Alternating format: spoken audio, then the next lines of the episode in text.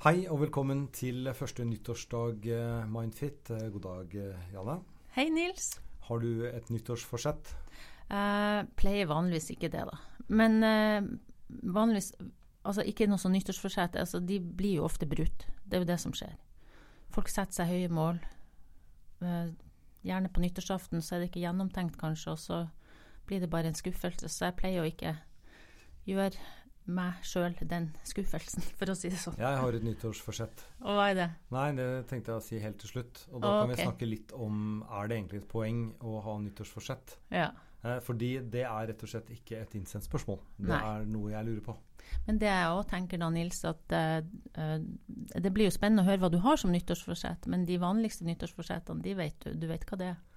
Eh, skal vi ta det nå, eller skal vi ta det etterpå? Hvis du skulle gjette. Eh, trene.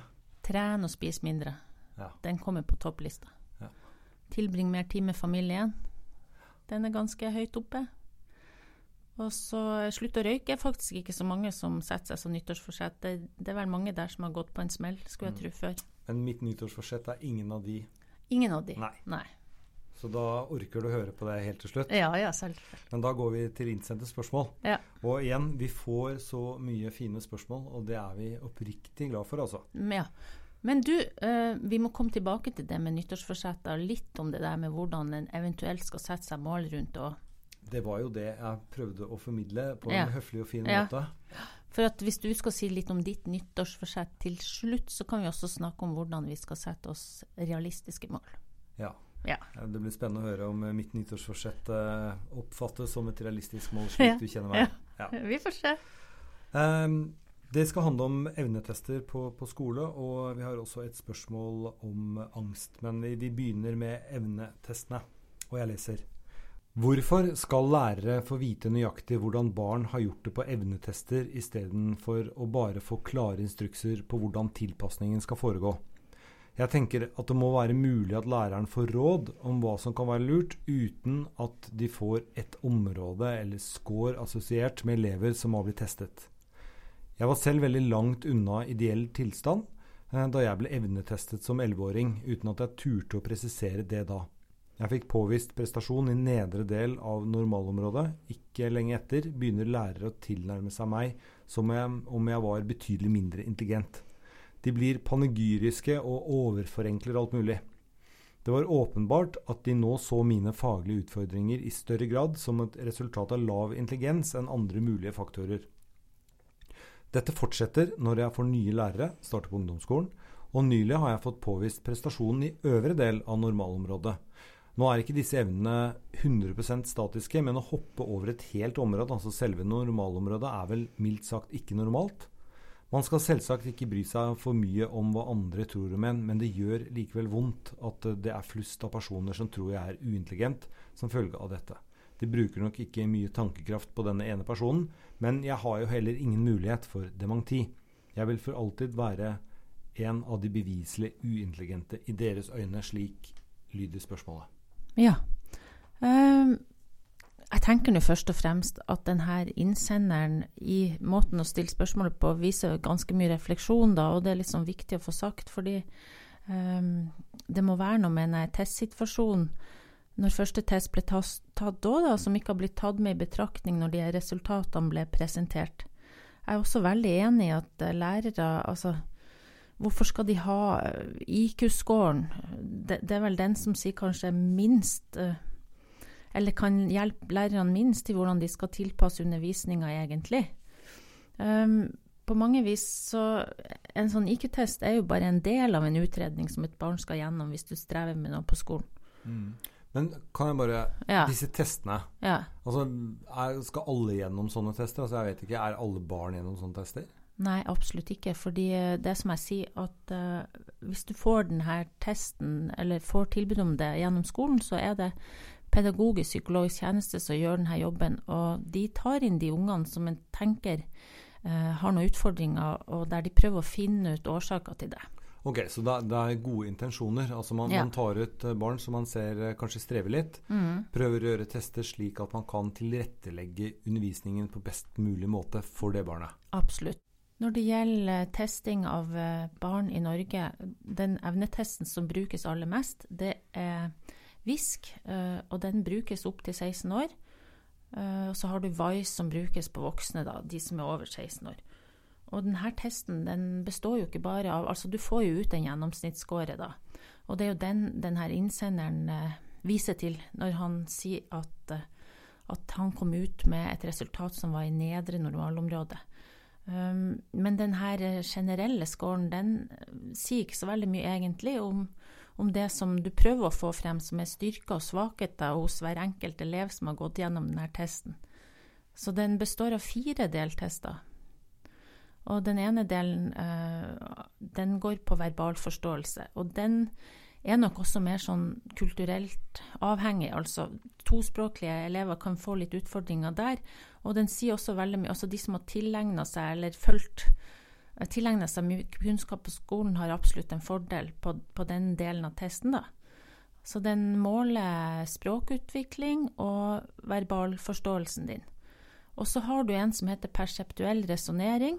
Uh, den, den, er ikke avhengig av det språklige. Så den uh, den delen av testen den uh, handler mer om hvordan du håndterer visuell informasjon, og går mye på koordinering mellom øye-hånd-koordinering, som en sier. Så har du to andre deler som har blitt som vektes.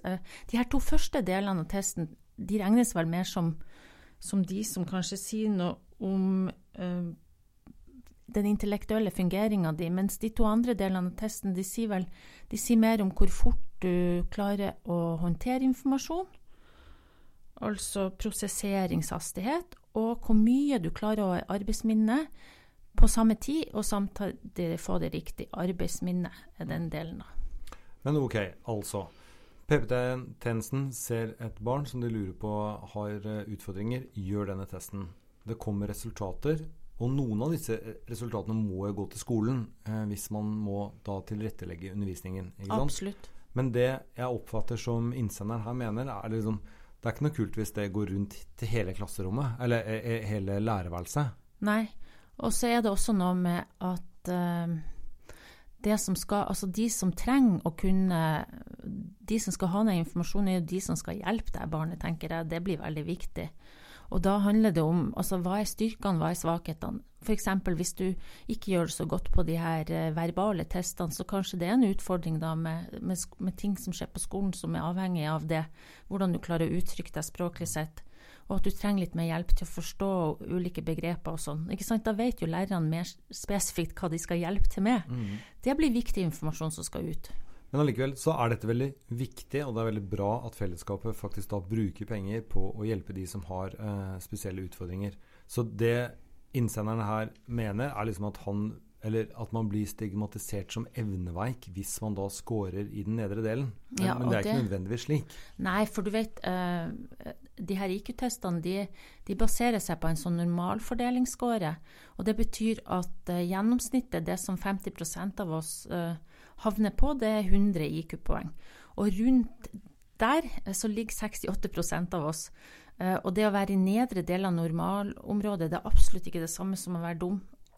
Uh, og så tenker jeg også at uh, denne, i dette tilfellet så er det jo sånn at denne personen har jo skåra plutselig i øvre del av normalområdet. Og da sier jo denne personen også noe om at kanskje den testsituasjonen den gangen ikke var helt optimal.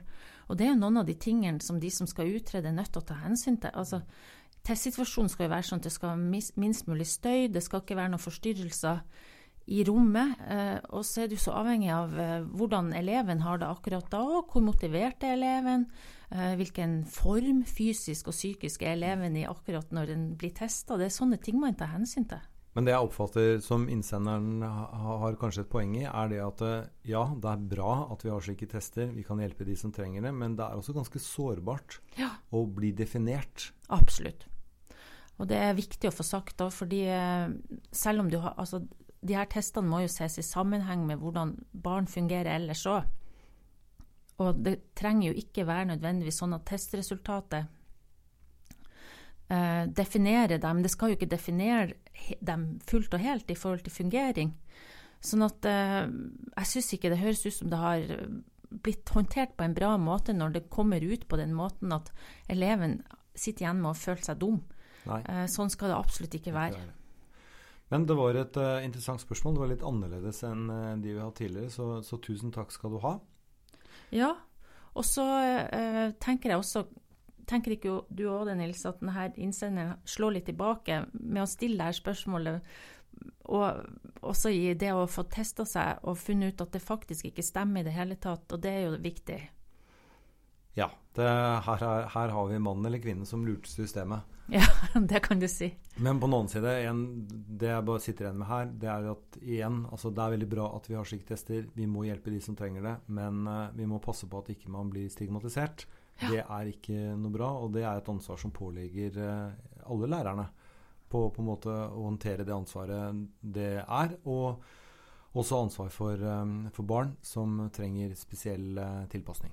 Ja, altså Det er jo noe med å alltid når du jobber med noen uansett, også være opptatt av hvilke styrker de har. Hvis noen skal utvikle seg fremover, så trenger de jo også å bli oppmuntra. Da er det jo viktig å ha folk rundt seg som har tro på at du kan få til ting. Så en må jo ta utgangspunkt i det som elever mestrer, og ikke bare se på det som de eh, har utfordringer på. Og det de har utfordringer på, det har de jo rett til å få hjelp med, så det blir veldig viktig. Men også der er det jo viktig å se på de positive skrittene og, og gi folk en følelse av mestring.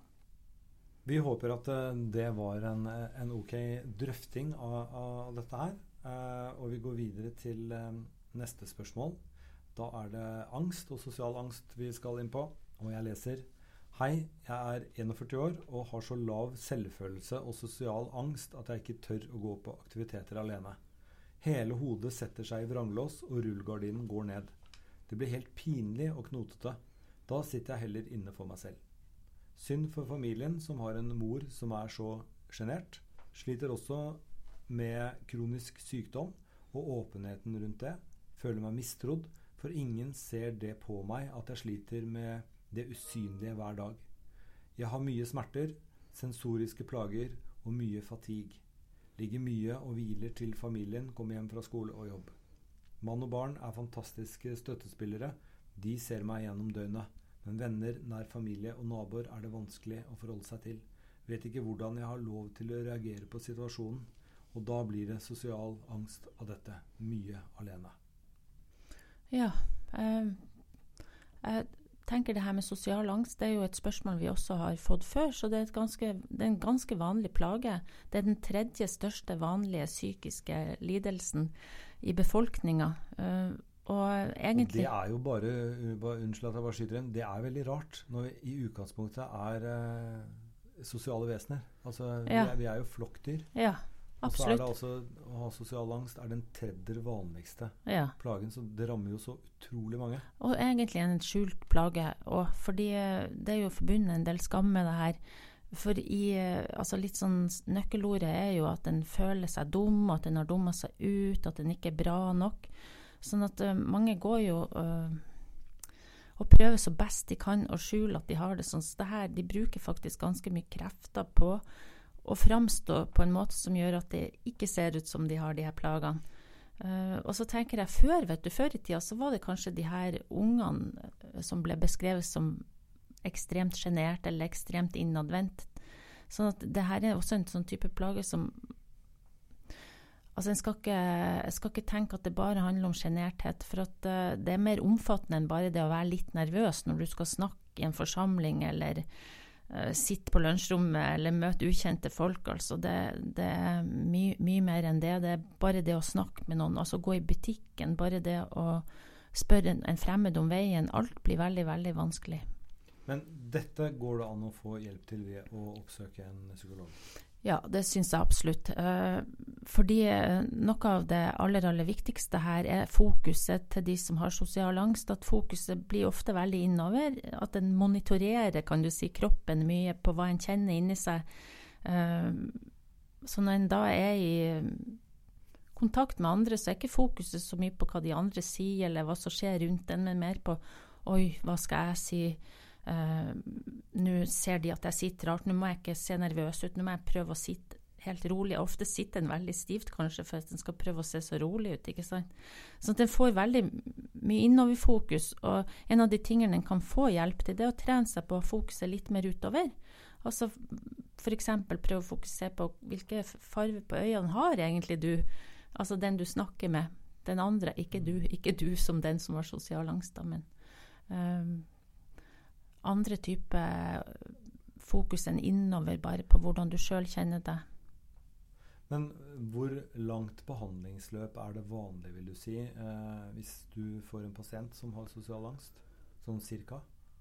Nei, det er litt sånn vanskelig å si. Men mange har uh, dessverre kanskje venta veldig lenge med å søke seg hjelp, da. Sånn at jeg tror det er fint hvis en kunne nådd, uh, nådd, nådd, folk når de er yngre, altså barn eller ungdommer, altså før det har blitt for stort. For det som skjer etter hvert, er at en begynner å unngå mest mulig situasjoner som trigger denne opplevelsen. ikke sant? Sånn at da er det så mange situasjoner en trukker seg tilbake fra.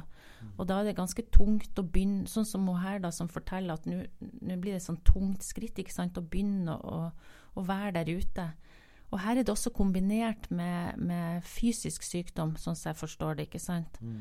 Sånn at uh, det her er en person som opplever sikkert at det å ha verdi og det å utrette noe, det blir blir, blir en utfordring fordi du føler kanskje i, i utgangspunktet at du ikke får utretta noe fordi du ligger mest hjemme og hviler deg, ikke sant? Mm. Sånn at det er vanskelig. Altså jeg tror en sånn situasjon med fysisk sykdom kan også forsterke eller sette i gang en sosial angst. Fordi en, en begynner å tenke at hva tror andre om meg, og så skal en liksom ikke vise andre hvordan en egentlig har det, og så blir en redd for å bli fordømt av andre òg. Og så kan jo folk være en del ubetenksomme òg, ikke sant. For den type plager som hun beskriver, det er jo ikke sånn som en ser utenpå folk, ikke sant. Så, så Nei, kan, dette er en person som naboen vil liksom eh, se er Hun ser jo frisk ut. Ja, ikke sant. Og, og vet liksom ikke at ja. hun har kronisk sykdom. Nei. Og da er det en sånn ond sirkel, det òg. For at jeg tror uh, at mange vil merke at hvis de er litt mer åpne, så blir det lettere for andre å forholde seg til dem. Uh, eller for dem å forholde seg til, ikke for andre å forholde seg til dem. Men også, jo, kanskje også det, men også for dem å forholde seg til andre. ikke sant? For at, at en ikke hele tida skal skjule hvordan en egentlig har det. Og det er forbausende ofte folk sier til meg at når de blir litt mer åpne sjøl, så merker de at det er jo ikke sånn at alle andre heller er så perfekt. En kan lage et sånt bilde av andre som at de ikke har noe å slite med, at det bare er jeg som sliter med noe. ikke sant? Mm. Jeg har en venninne som uh, har, uh, har lidd under spisevegring i veldig mange år. Uh, og som da ikke selvfølgelig var åpne om det. Altså Alle skjønte det egentlig, men ingen hadde tort å spørre. Ja. Og for ca. ett år siden så uh, valgte hun å si det som det var. Ja. Uh, og jeg spiste lunsj med henne for ikke så lenge siden, og det mener hun er det lureste hun har gjort. Ja, det var som en sånn stor stor ryggsekk hun hadde tatt av. Og det var så deilig å liksom ikke måtte liksom holde på med innlærte bortforklaringer hvis hun spurte om noe som osv. Ja. Så egentlig rådet til, til innsenderen her, det ene er liksom at det er fantastisk at hun har en fin familie. Mm. Hun, sier jo at de, mann og mm. barn, støtter henne. Mm. Kjempebra. Men naboene vil jo ikke tro noe verre om henne hvis hun er ærlig med dem. Så det er å, å, vurdere og tore å være åpen. Ja. Om både angsten og om sykdommen. Og det er veldig lett å si for en som sitter bak en podkast og som ikke er ute i det virkelige livet med denne sykdommen og naboer. Men allikevel, jeg vedder på at hvis hun hadde gjort det, så hadde hun eh, kasta en ryggsekk. Altså. Kanskje ikke naboene er første sted å begynne òg. Kanskje det fellesskapet som ofte finnes i Du har jo noe som heter Angstringen, bl.a., som, uh, som jeg tror finnes i hvert fall de største byene her i landet. Uh, og som er sånne selvhjelpsgrupper der du møter andre som har de samme plagene det med å ha et fellesskap der en opplever at en ikke er alene, er ganske viktig. Og så vil jeg også si uh, at når det gjelder det her å få hjelp, uh, at det òg er viktig, det her med fokuset ditt inn i situasjoner. At, at, du får hjelp til å ha et fokus mer utover enn innover på egne feil og mangler når du er sammen med andre. Og at du får utfordra deg i passe tempo. Uh, for det, det må utfordre seg i situasjoner der en vanligvis unngår å, å eksponere seg. Eh, det må gjøres i et passe tempo. Det kan ikke være sånn at du går på det høyeste fjellet med en gang, altså de verste utfordringene med en gang. Uh, og så tror jeg mange har um, Hvis du finner en, en, en, psykolog eller en behandler som kan hjelpe deg, så, så kan du gjøre sånne atferdseksperimenter, egentlig. Du kan, For mange med sosial angst de har mye forventninger om hvor dårlig det skal gå. Oi, jeg kommer til å dumme så veldig ut. Jeg kommer til å se så dum ut der jeg står. Og, og, så er det også sånn at i etterkant av at de har vært i situasjoner, så, så, grubler de videre på hvordan det gikk, og da har de også en evne til å overse faktisk det som har skjedd som var positivt, sånn at det de sitter tilbake med, er bare at det var en elendig prestasjon. Sånn at det å gjøre sånne atferdseksperimenter sammen med noen andre, eh, det kan hjelpe en til å se at de her forventningene står ikke i forhold til hva som faktisk skjer. Og bare for å ta en sånn bro som da ender i dette nyttårsforsettet, så har jo liksom Vi har jo kommunikasjonskurs eh, hvor vi da lærer folk å liksom snakke, da. Og, og det som er veldig vanlig, eh, det er jo det at eh, de som skal stå foran en forsamling og bli videofilma, er veldig nervøse. Og de mener selv at alle ser at de er nervøse. Og min erfaring er i hvert fall av ni av ti tilfeller så er det ingen som ser det. Altså Man kan stå der og tro at man gjør mye rart, og at alle ser at du skjelver på underleppa, men du gjør ikke det. Så det har noe å si med det bildet du tror, altså hvor mye du tror at følelsene dine faktisk vises. Det stemmer ikke med hvordan virkeligheten er.